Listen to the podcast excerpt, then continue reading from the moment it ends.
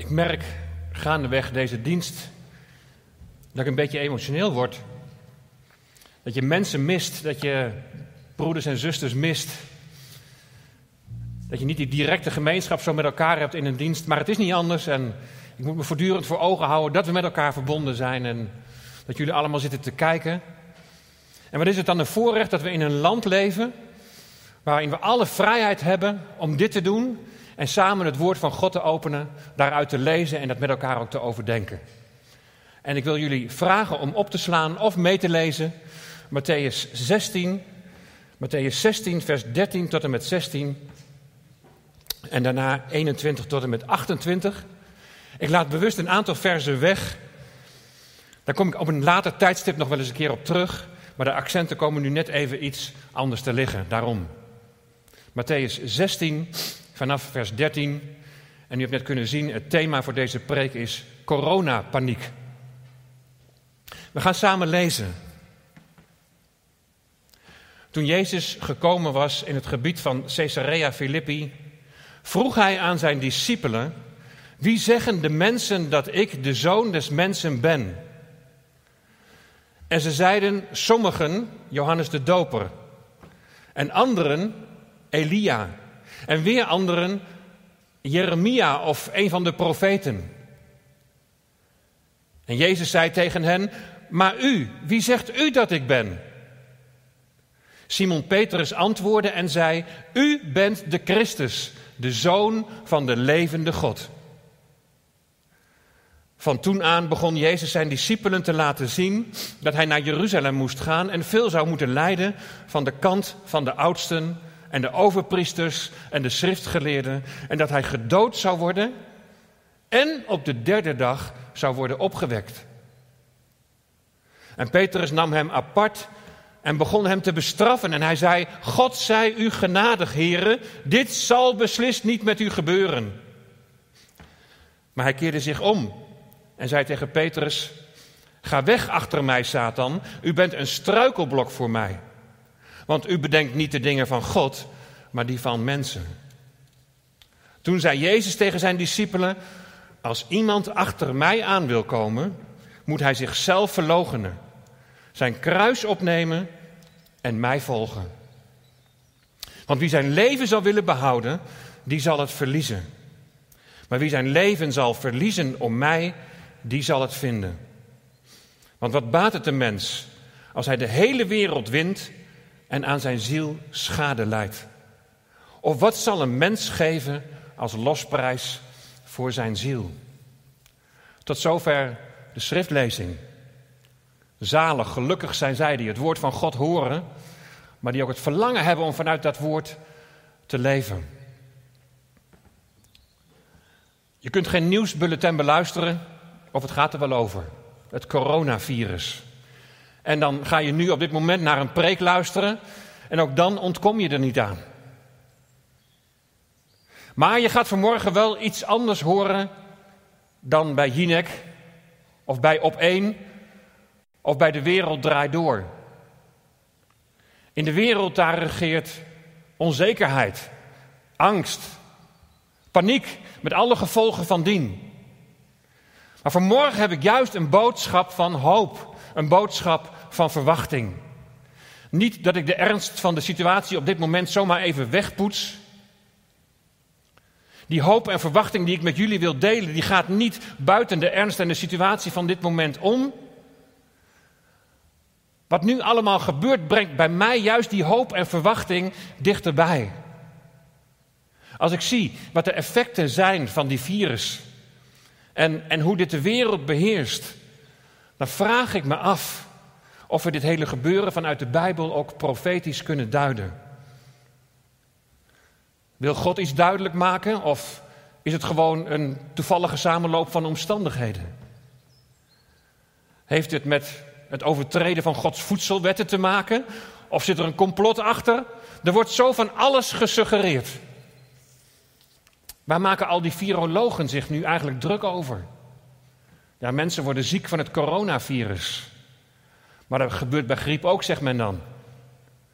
Wat maakt COVID-19 zo anders?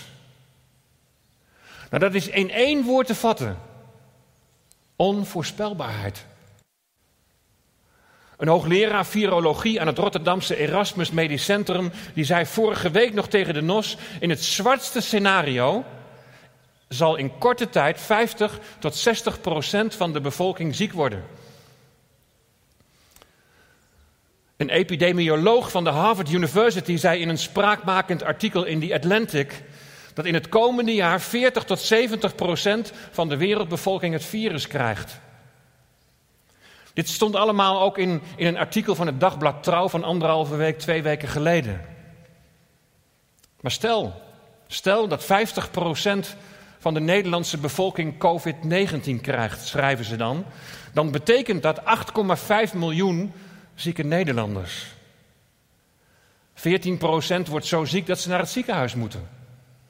Dat zijn 1,19 miljoen Nederlanders.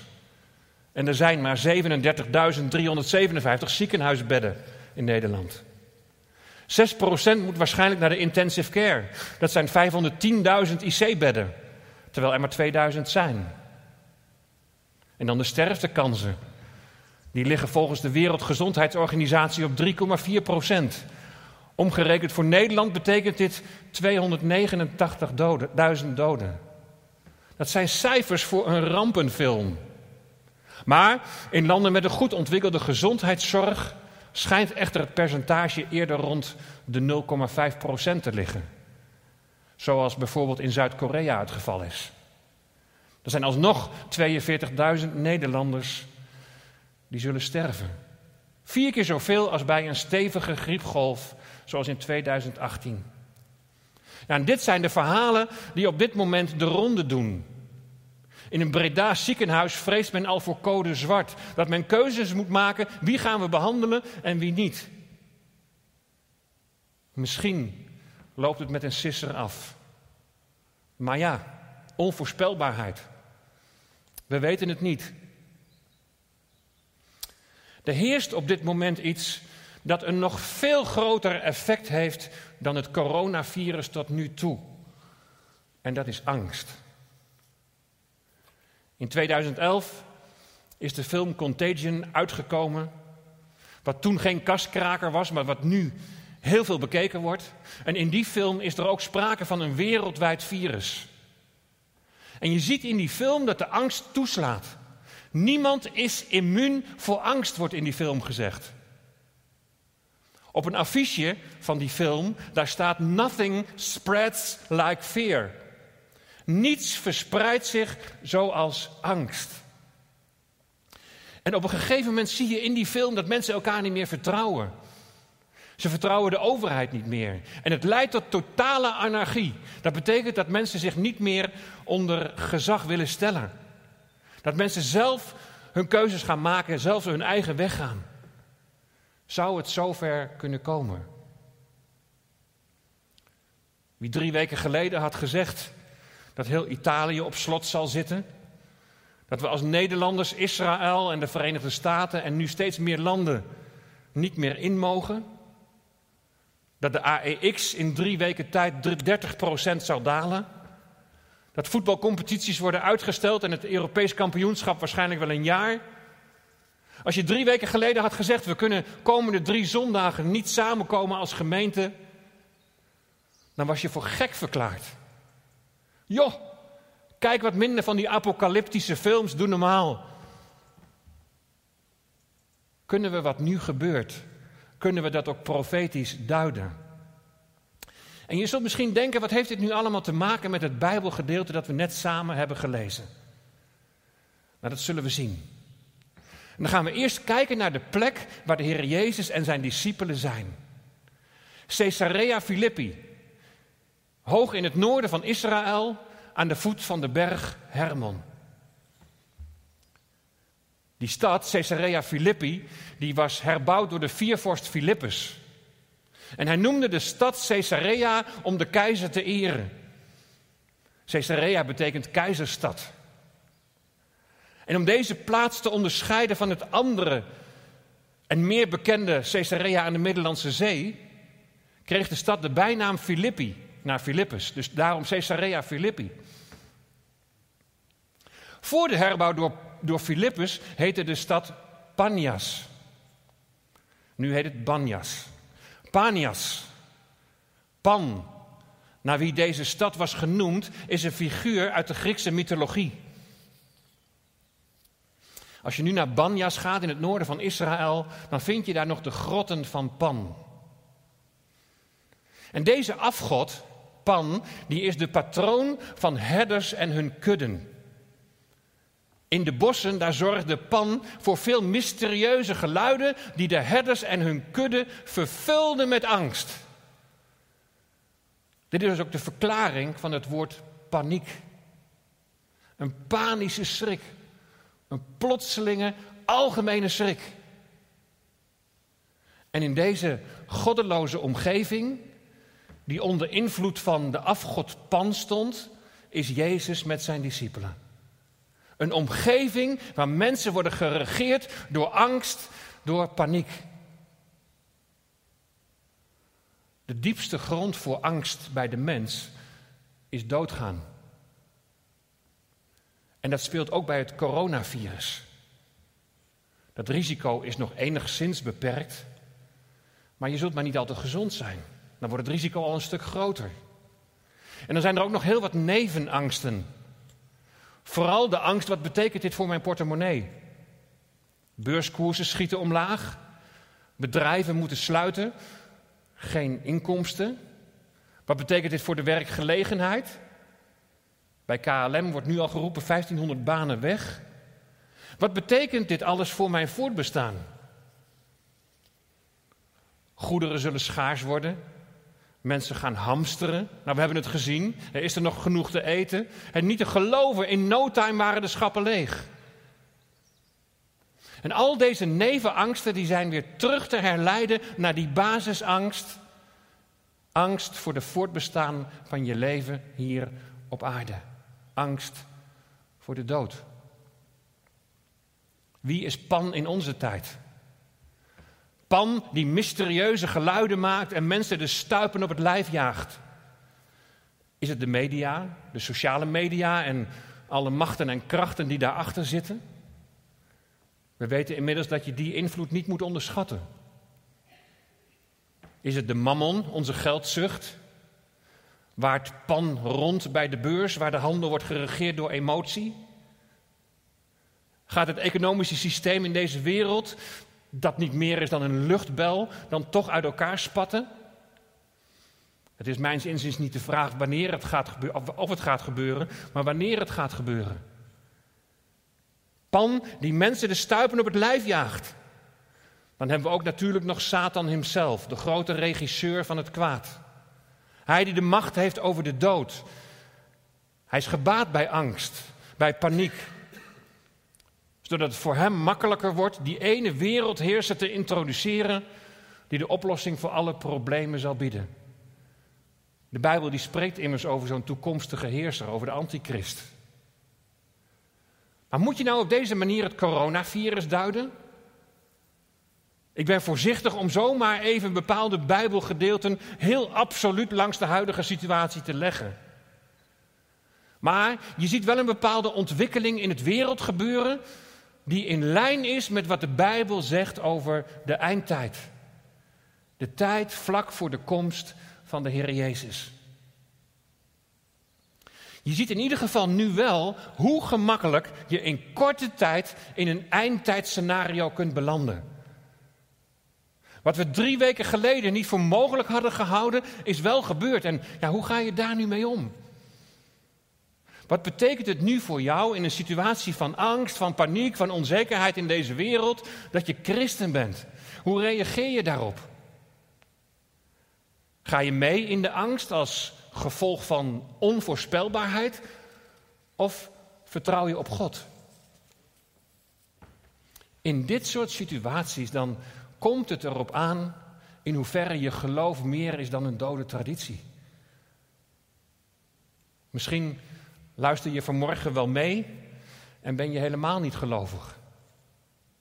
Mag ik je dan uitdagen om, om je open te stellen voor wat nu volgt? In de hoop dat als je onzeker bent, misschien wel angstig bent, Dat het om mag slaan in hoop en verwachting. Dat het mag omslaan in een stuk innerlijke rust die God wil geven. En dat gaat wat mij betreft niet buiten vers 21 om, dat we samen hebben gelezen. En dat is voor mij is dat het centrale Bijbelvers in dit Bijbelgedeelte. Vers 21 waar we lezen, van toen aan begon Jezus zijn discipelen te laten zien dat hij naar Jeruzalem moest gaan en veel zou moeten lijden van de kant van de oudsten en de overpriesters en de schriftgeleerden. En dat hij gedood zou worden en op de derde dag zou worden opgewekt.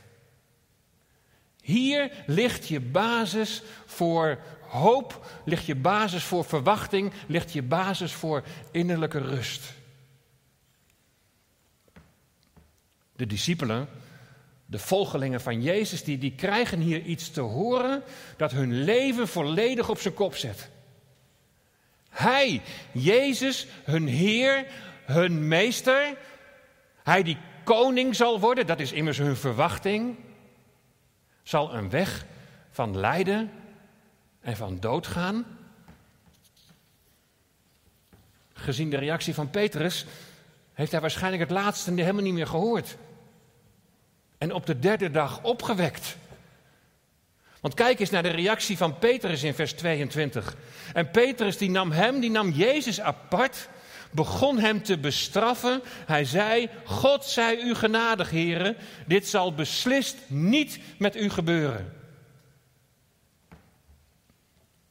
Je ziet hier het conflict tussen Gods plan en je eigen idee hoe, hoe het, over hoe het eigenlijk zou moeten gaan. Als jij God was, dan, dan zou je het heel anders doen. Dat is eigenlijk een beetje wat Petrus hier zegt. Lijden doodgaan. No way, dat zal niet gaan gebeuren. Lijden, virussen, doodgaan, materiële onzekerheid, tegenslag. Dat past toch helemaal niet bij ons mensen in deze tijd. Wij die denken dat alles maakbaar is. En die denken dat we ons overal voor kunnen verzekeren. Gods weg, de weg van Jezus, was een weg van lijden en dood. Dat klinkt niet aantrekkelijk. Maar dan volgt dat Jezus op de derde dag zal worden opgewekt uit de dood. Uit lijden en dood komt leven voort. Hou dit even vast, ook in relatie tot wat er op dit moment in de wereld, in Nederland, bij ons gebeurt. Alles staat op zijn kop in deze wereld. Maar er komt uiteindelijk iets positiefs uit naar voren dat met leven te maken heeft. Jezus lijden, zijn sterven en zijn opstanding is het keerpunt in de geschiedenis. Jezus offerde zichzelf. Hij ging de dood in om de macht van de zonde te verbreken om de scheiding tussen God en mens op te heffen. Hij ging de dood in om de gevolgen van die scheiding, namelijk dat wij als mensen zondigen, dat wij niet naar Gods wil leven, om, om dat te vergeven. Jezus ging de dood in om Hij die macht over de dood heeft, de Satan te verslaan. Dat Jezus in dit alles de overwinning heeft behaald, blijkt uit het feit dat de dood hem niet vast kon houden. Jezus is uit de dood opgestaan. En waarom is dit alles nou een keerpunt in de geschiedenis? Omdat Jezus dood en opstanding de garantie is dat er straks een vernieuwde schepping zal zijn die onder Gods volledige heerschappij zal staan. Dan zullen er geen virussen meer zijn. Geen oorlog. Geen geweld. De Bijbel leert ons dat er een moment zal komen dat alles in de hemel en op de aarde in Jezus Christus bijeengebracht, in Hem hersteld zal worden. Zijn sterven en zijn opstanding is een keerpunt geweest in de geschiedenis. Ook voor jou. Omdat jij door zijn dood en opstanding deel kunt hebben aan die nieuwe, volmaakte situatie. Daarom zei ik dat hoop en verwachting, dat innerlijke rust, niet buiten Jezus dood en opstanding omgaat. 38 jaar geleden heb ik God gedankt dat mijn oude ik, dat zonder God leefde en niet naar zijn wil leefde, dat het is weggedaan door Jezus sterven aan het kruis van Golgotha. En ik heb hem gedankt dat ik door Jezus opstanding, door mijn geloof in hem, nieuw leven heb ontvangen. Ik ben geen perfect mens, maar mijn zonden zijn vergeven. En door geloof in Jezus Christus ben ik aanvaardbaar voor God. De weg naar God de Vader is vrij. Hij is realiteit geworden in mijn leven. Je leven in Gods hand leggen, geloven in Jezus Christus, op Hem vertrouwen, dat noemt de Bijbel opnieuw geboren worden. En dan hoef je niet meer langer geregeerd te worden door angst, door onzekerheid, door de omstandigheden. Maar dan wil Jezus regeren in jou, die rust en vrede geeft. Hij is dat zelfs beloofd. Ik zal je rust geven. Petrus ging voor zijn eigen plan. Maar kijk dan eens wat Jezus tegen hem zegt. In vers 23. Maar hij keerde zich om en zei tegen Petrus: Ga weg achter mij, Satan. U bent een struikelblok voor mij, want u bedenkt niet de dingen van God, maar die van mensen. Petrus denkt horizontaal. Petrus denkt naar de mens. Maar Gods wegen zijn hoger dan onze wegen. Jezus houdt het einddoel voor ogen. Gods heerschappij en herstel van deze schepping. En de weg daar naartoe is, is dwars door de gebrokenheid van deze schepping heen. Door lijden en dood heen is de weg ten leven. Dat is wat Jezus hier ook duidelijk maakt aan zijn volgelingen. Als je mij wilt volgen, zegt Jezus, neem dan je kruis op. Het kruis opnemen, dat spreekt over een mens die ter dood veroordeeld is. Zo moeten wij onszelf voor allerlei wereldse verlangens, die in strijd zijn met Gods wil, moeten we onszelf dood verklaren. Neem je kruis op en volg mij, zegt Jezus. Je moet jezelf verloochenen. Dat betekent dat je al je persoonlijke belangen en ambities, die je natuurlijk allemaal mag hebben, maar dat je die ondergeschikt maakt aan Gods verlangen en zijn ambities. En dat je daar overeenkomst gaat merken. Het kruis is voor de wereld slechts een wijze van doodstraf. Maar voor Christus en zijn volgelingen betekent het door de dood het leven vinden. Dwars door strijd naar overwinning. Hoe ga je om met de omstandigheden zoals die nu in de wereld, in ons land zijn? Word je geregeerd door angst? Angst voor het voortbestaan in dit leven? Als christenen hebben we geen garantie dat we niet zullen worden getroffen door het coronavirus. Misschien treft het ons indirect. Economische consequenties die heel ingrijpend kunnen zijn. Wat mensen nu al voelen. Het kan ons ook direct treffen. Dat je ziek wordt. Dat je zelfs misschien wel sterft. En ik zal niet zeggen dat het mij niets doet als ik of een van mijn geliefden zou moeten sterven. Er is een gezonde hang en verlangen naar het leven in het hier en nu. En als we afscheid moeten nemen, dan doet dat pijn en dan geeft dat verdriet. Ik zal niet zeggen dat het mij niks doet als ik economisch word getroffen door deze crisis. Maar er is iets dat sterker is. Sterker dan rouw en verdriet en onzekerheid. En dat heeft alles met Jezus te maken. Wie zeggen de mensen dat de zoon des mensen is, vraagt Jezus. Met andere woorden, Wie zeggen de mensen dat ik ben? Er wordt in ieder geval over nagedacht. Dat kun je vandaag de dag lang niet altijd zeggen. Ben jij wel eens bezig met die vraag wie Jezus is? Misschien luister en, en kijk je mee en heb je jezelf die vraag nog nooit gesteld. Wat zullen mensen in deze tijd zeggen als die vraag gesteld wordt? Wie zeggen jullie dat Jezus is? Deze vraag die wordt aan de volgelingen van Jezus gesteld en dan, dan geeft Simon Petrus die geeft antwoord. Wil je weten wie Jezus is? Lees mee in vers 16. U bent de Christus, u bent de zoon van de levende God. Jezus betekent God red. En Christus is het Griekse woord voor het Hebreeuwse Messias. En dat betekent gezalfde van God. Jezus door God gezalfd, door God de Vader de taak gegeven om deze wereld te redden. Te redden door onze zonden op zich te nemen. Te redden door de macht achter al het kwaad in deze wereld te overwinnen. En die overwinning is behaald. En ieder die zijn toevlucht zoekt tot deze redder, die heeft wel te dealen met de gebrokenheid van deze wereld, maar is tegelijkertijd apart gezet van deze wereld. Overgezet in een ander koninkrijk. Het koninkrijk van de zoon.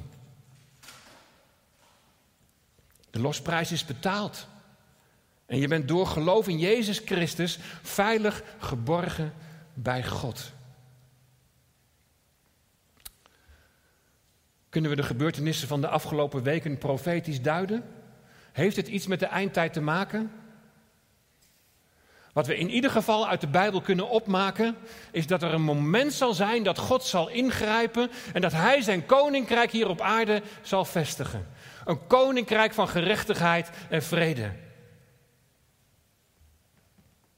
Jezus maakt in Matthäus 24 duidelijk dat voordat Hij koning zal worden over deze aarde, onder andere de volgende tekenen als barensweeën daaraan vooraf zullen gaan. Lees maar mee. U zult horen van oorlogen en geruchten van oorlogen. Pas op, word niet verschrikt, want al die dingen moeten gebeuren. Maar het is nog niet het einde. Want het ene volk zal tegen het andere volk opstaan. En het ene koninkrijk tegen het andere koninkrijk. En er zullen hongersnoden zijn. En besmettelijke ziekten. En aardbevingen in verschillende plaatsen. Maar al die dingen zijn nog maar het begin van de weeën. Door machtsstreven van de mens, door, door hebzucht. Maar we hebben het kunnen zien wat het hamsteren betreft. En ook door het niet goed beheren van deze schepping vinden al deze tekenen plaats. Het zijn weeën voorafgaand aan de wederkomst van de Heer Jezus Christus. Nou, als je die weeën bemerkt, heb je dan reden om in paniek te raken? Dat ligt eraan. Als je het alleen maar als zeer pijnlijke weeën ziet, dan kan ik me bij die paniek best wel wat voorstellen. En je vraagt je af, wanneer houdt het een keer op? Waar is het einde? De ene wee volgt de andere op. De maatregelen nemen in heftigheid toe. Wat betekent dit voor mijn voortbestaan? Mag ik je even helpen om wat anders naar die weeën te kijken? Ik heb ze natuurlijk zelf niet gehad toen mijn vrouw onze kinderen baarde. Maar als je haar ziet met die weeën, dan, dan, dan wil je het zo overnemen. Ze zijn best heel vervelend en pijnlijk. Maar wat bij ons overheerste, dat was het verwachtingsvol uitzien naar het kindje dat geboren zou worden. Je kon niet wachten. Fantastisch als zo'n klein mensje in je armen ligt. Je bent dolgelukkig.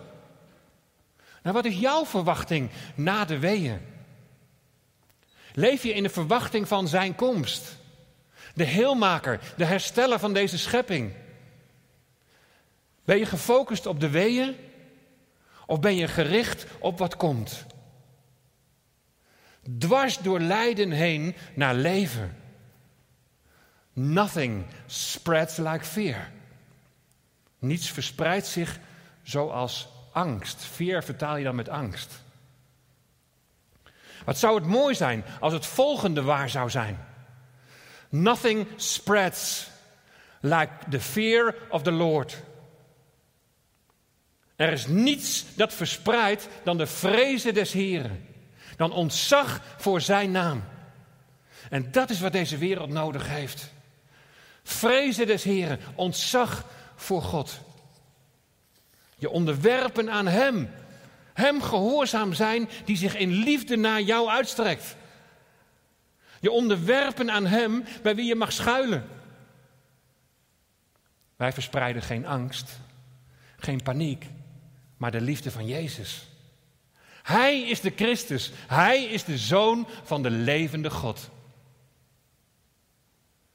Hebben jullie dit volgende plaatje al gezien? Met de invulling van de letters coronavirus. Christus offer red onze natie alleen. Vlucht in deze recessie tot uw schepper. Het is nu nog genadetijd. Afgelopen dinsdag werd nota bene op RTL 7 de film Left Behind uitgezonden. Ik verwacht dat spoedig de bazuin zal klinken en de aartsengel zal roepen en wij de Here tegemoet zullen gaan in de lucht om voor altijd bij Hem te zijn. Left behind, achtergelaten worden, dat zal voor jou toch niet gelden? Bekeer je nu het nog kan. Aanvaard het offer van de Heer Jezus Christus voor jouw redding. En leef in de kracht van Zijn opstanding. Vertrouw op Hem en leg je leven in Zijn hand. Hij is in alle omstandigheden aanwezig. Geprezen zij Zijn naam. Halleluja. Amen. Laten we samen de Heer zoeken. Laten we samen gaan bidden.